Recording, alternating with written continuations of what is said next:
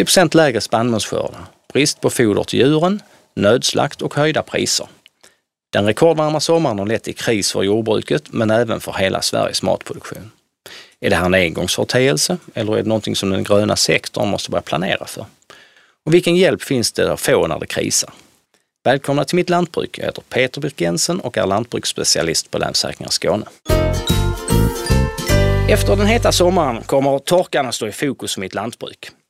Eh, lite senare i programmet ska vi prata om hur vi på Länsförsäkringar Skåne kan bistå dig som kund hos oss. Men först ska vi ta hjälp av vår naturskadespecialist Per Holmgren och försöka bena ut vad det här extrema vädret som vi haft i flera månader egentligen betyder för jordbruket i framtiden. Välkommen Per! Tack så mycket Peter! Ja, du var ju gäst i, redan i vårt första avsnitt och det handlade om det varmare klimatet, eh, vad det betydde för, för eh, Skånes eh, lantbrukare. Och då tänkte jag vi ska se om vi kan lyssna på vad du sa då. Alltså om, om man tittar framförallt ur ett eh, lantbrukarperspektiv eller allmänt när vi tittar på vegetation, eh, allting som växer runt omkring oss, så tycker jag man kan beskriva det som att eh, här i Sverige så förskjuts temperaturzonerna och därmed också vegetationszonerna i stora drag i alla fall vidare norrut med en hastighet av ungefär en halv till en hel mil per år.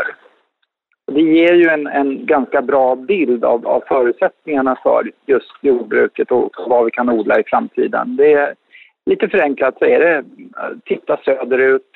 Eh, är man i Skåne så kan man börja eh, snegla på danska, tyska jordbrukare, hur, hur de arbetar och, och längre upp i, i, Sverige då så titta söderut. Och, och så helt enkelt eh, samtidigt som den här processen pågår då att allt förskjuts vidare norrut så är det ju också det att vi får större och större eh, variationer. Till exempel torråren blir ännu torrare vilket vi har haft ett extremt exempel på nu senast 2016 och framförallt i sydöstra Sverige. Men också att de blöta åren blir ännu blötare. Så, eh, ja som du nämnde hade vi även 2016 ett rekordvarmt, eh, en rekordvarm sommar. Vad är skillnaden mellan eh, 2016-sommaren och den vi just nu har genomlidit Per? Ja, torrt var det ju även 2016 och det har ju varit torrt en, en del andra somrar under det här årtiondet men det blev ju kombination just den här sommaren med att det blev en sån otroligt lång och envis värmebölja så att det har ju nästan inte varit vid ett enda tillfälle sedan maj som det har varit någon längre period i alla fall med mer normala temperaturer. Och sån här envis eh, lång värme i kombination med torka gör ju såklart att marken torkar ur och, och det slår väldigt hårt tyvärr då mot just lantbruket. Ehm, vi pratar ju mest om alltså de odlare och de uppfödare som har drabbats negativt av värmen. Finns, kan det finnas företag i gröna näringen som har upplevt något positivt den här sommaren? Är det, är det möjligt? Ja, alltså om man får tänka lite större så förhoppningsvis så blir ju allt fler, om man säger vanliga människor då i, i Sverige, runt omkring i världen också mer och mer medvetna om klimatförändringar och de här extrema utmaningarna som vi står inför.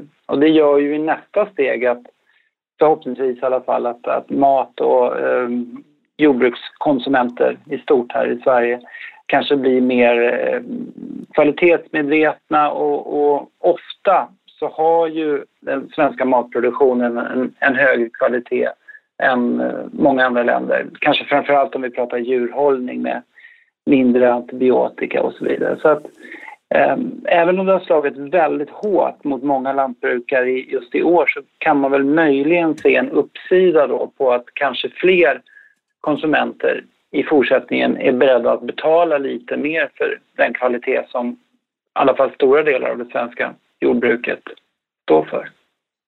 Ja, I debatten brukar man ju peka ut eh, flyget och bilarna som ehm, klimatbovar men eh, bidrar jordbruket också till uppvärmningen av jordklotet?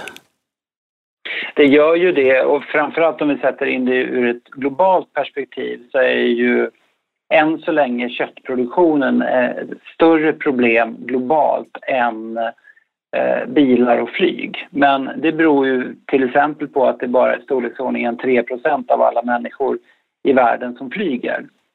Ehm, och här i Sverige så är ju ofta just flygandet som är den enskilda individens största klimatbelastning och, och ur ett Ehm, kollektivt perspektiv så är det ju verkligen bilismen och den markbundna transporterna som är den riktigt stora utmaningen. Men visst är det jätte, jätteviktigt också vad vi väljer för mat.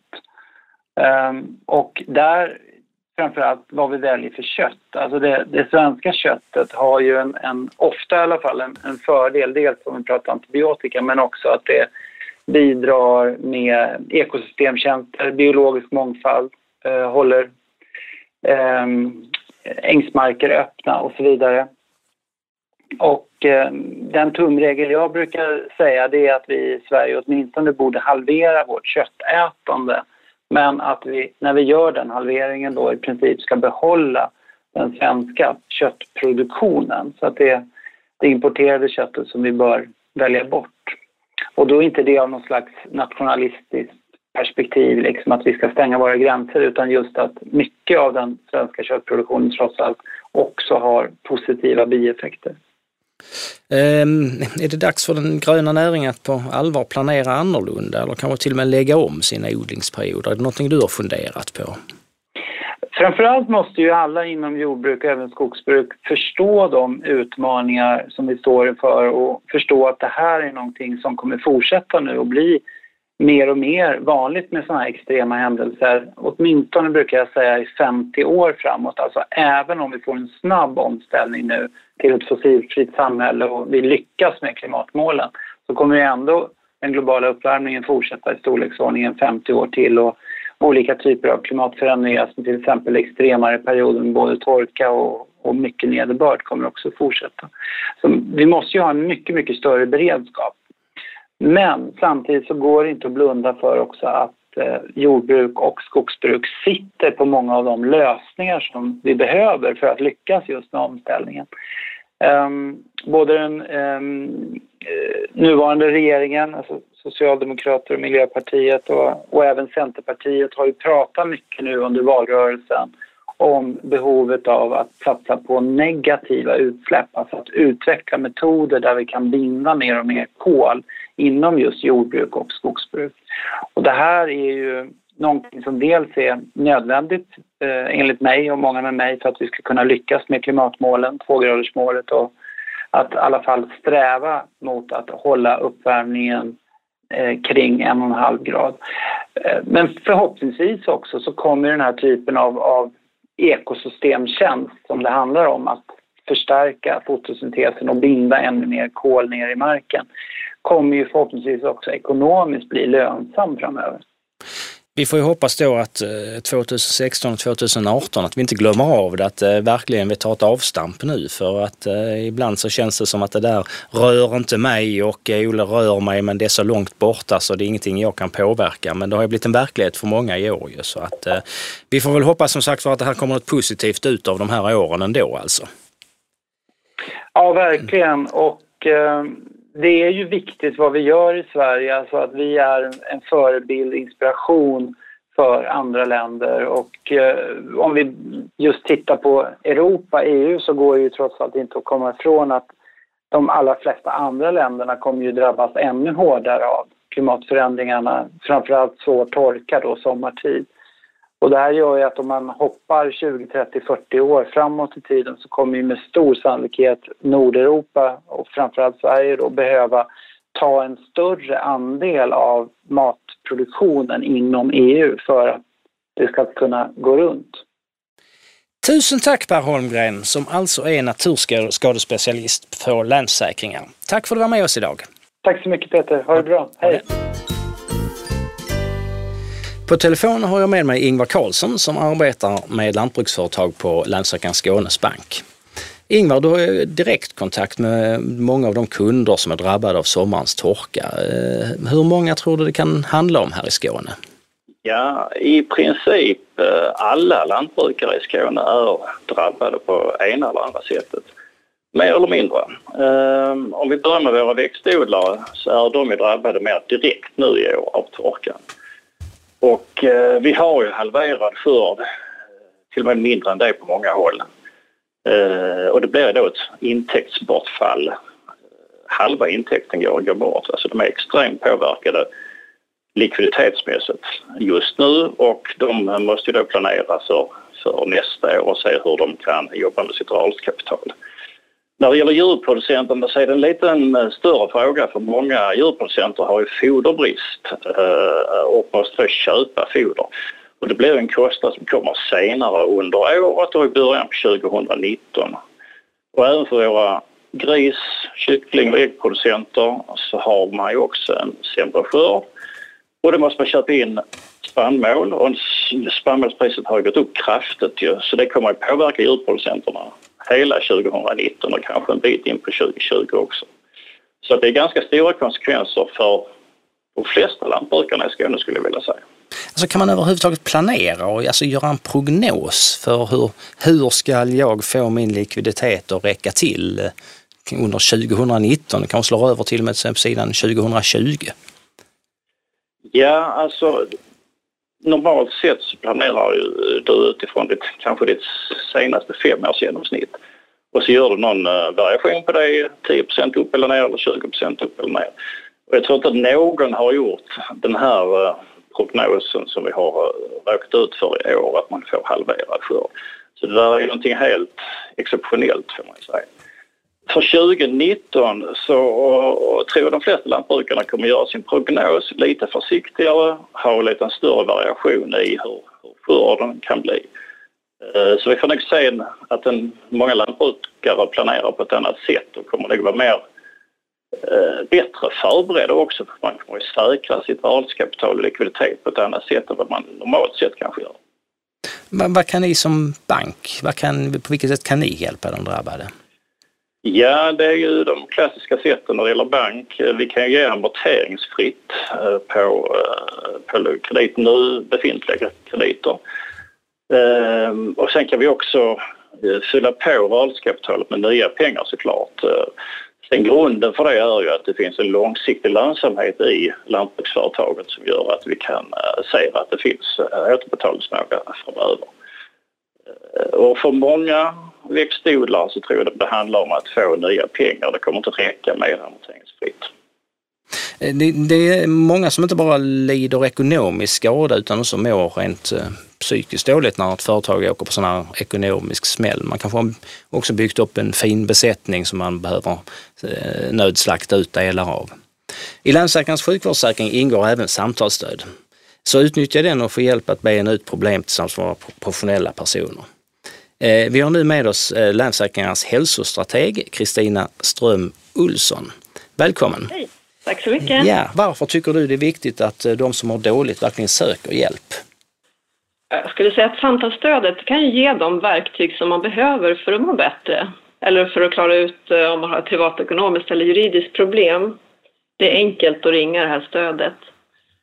Eh, när man råkar ut för ett krisläge som sommarens bränder och torka faktiskt har inneburit så kräver det förstås all uppmärksamhet att lösa det. Men jag skulle vilja säga att samtidigt är det viktigt faktiskt att stanna upp ett slag och tänka på sin hälsa. För att gå och dra på och bekymra sig under lång tid, det innebär risk för ohälsan och i värsta fall kan det leda till sjukdom.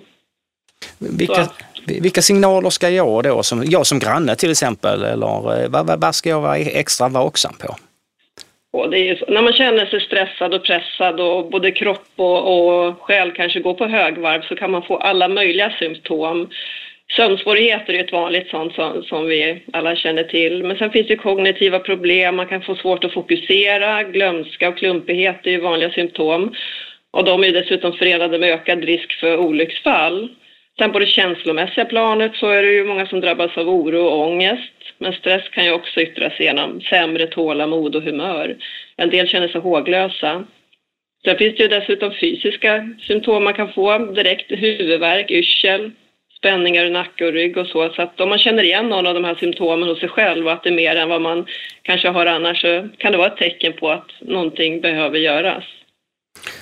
Vad är det vi erbjuder de som använder då Länsförsäkringars samtalsstöd? Vad, vad kan de rent praktiskt få där?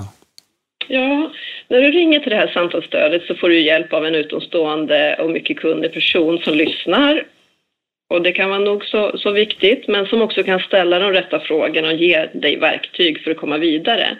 allt för att främja hälsan. Eh, och det kan till exempel vara psykolog eller socionom. Men det kan ju också vara ekonomin som skaver och bekymrar. Så att eh, det finns även tillgång till jurist och ekonom om man behöver hjälp eh, med privatekonomiska eller privata juridiska frågor. Och allt det här kan man få hjälp med i samtalsstödet.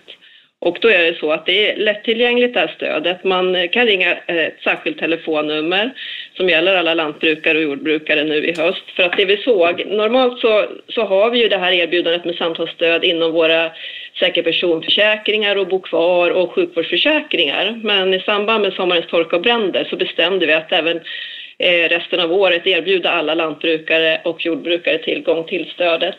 Så att om man ringer 0771 18 18 10 så är det öppet dygnet runt. Och då kan man eh, träffa psykolog det är dygnet runt och övriga experter som socionom, ekonom och jurist. Det är mellan åtta på morgonen till åtta på kvällen. Och man får hjälp inom 72 timmar. Och så har man rätt till upp till tre samtal, helt kostnadsfritt. Ser du en, en ökning av antalet samtal som kommer in? Vi ser en ökning, men inte så många än så länge. Och jag tänker att det kanske kan öka framöver också när man nu, nu gissar jag att många har haft fullt upp med att ta hand om det som har varit i verksamheten och kanske kontaktat sitt försäkringsbolag också. Men jag hoppas att man framöver också tänker på sig själv urifrån hälsoaspekten också och faktiskt provar det här. För det, det är som sagt lätt att ringa in. Tack så mycket för de goda råden eh, Kristina Ström Olsson, hälsotek på Länsförsäkringar och även Ingvar Karlsson på Länsförsäkringar Bank. Tack så mycket! Tack för det! Tack själv! Med mig i studion har jag Freddy Bengtsson från Lantmännen. Välkommen Freddy! Tack så mycket! Alltså du är inte enbart tjänsteman utan du är även eh, lantbrukare. Hur har ditt eget företag drabbats eh, den här sommaren? Jag driver ett i huvudsak växtodlingsföretag mitt inne i Skåne kan man säga.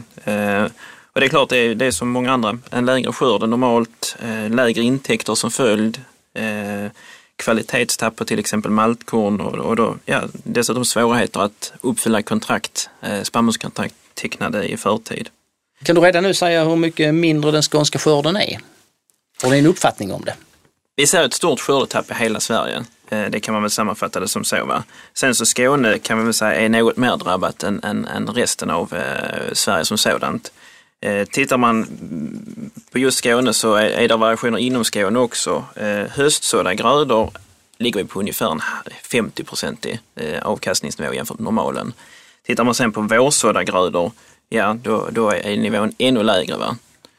Eh, det som man kan konstatera också om man pratar om totalskörd är att vi har en betydligt större areal som är skördad som helsäd detta året.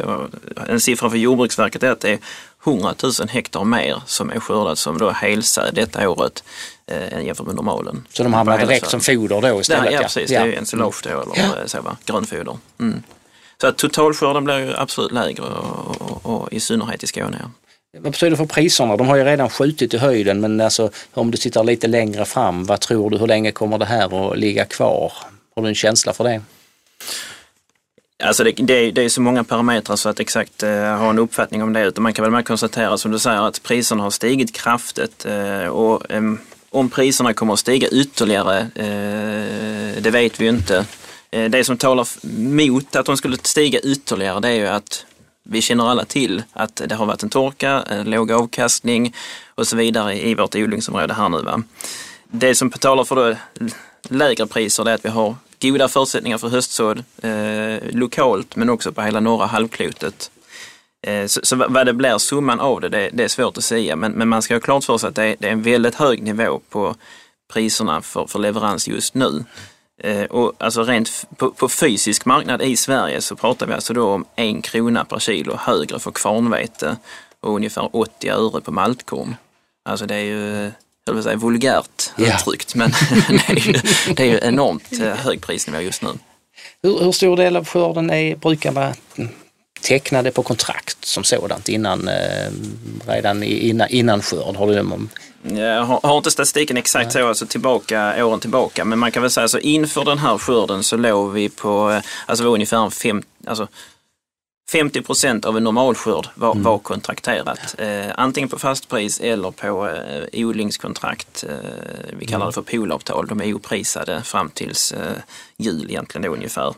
Så eh, med, med det sagt och vad jag sa tidigare här att vi har en, en skördenivå som är ungefär på hälften, alltså 50 procent, så, så är nästan hela den svenska skörden såld. Eh, ja, kontrakterad och såld ja, och den andra, ja, den andra delen kom aldrig. Den andra delen kom aldrig. Så att, eh, höga priser just nu men det är ju små volymer och få lantbrukare som kan ta del av dem fullt ut. Ja. Av den kakan ja. Mm. Hur kommer utsäd, utsädespriset att påverkas? Alltså vi är, våra, våra lantbrukare är redan drabbade av, av eh, torkan. Kommer de åka på en smäll till nu när de ska köpa utsäde till nästa år?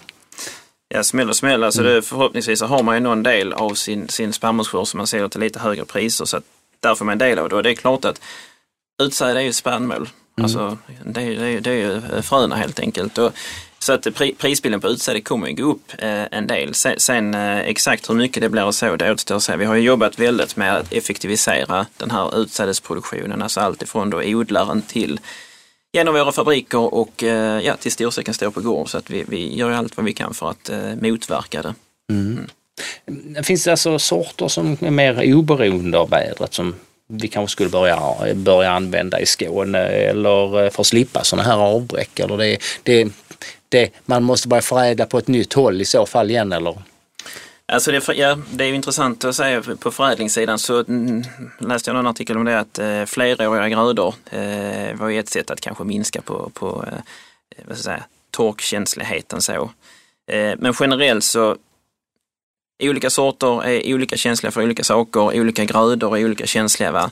Eh, 2017 var extremvått på hösten, eh, då var inte majs en bra gröda. Eh, majs är annars en gröda som tål värme och kanske torka bättre än andra.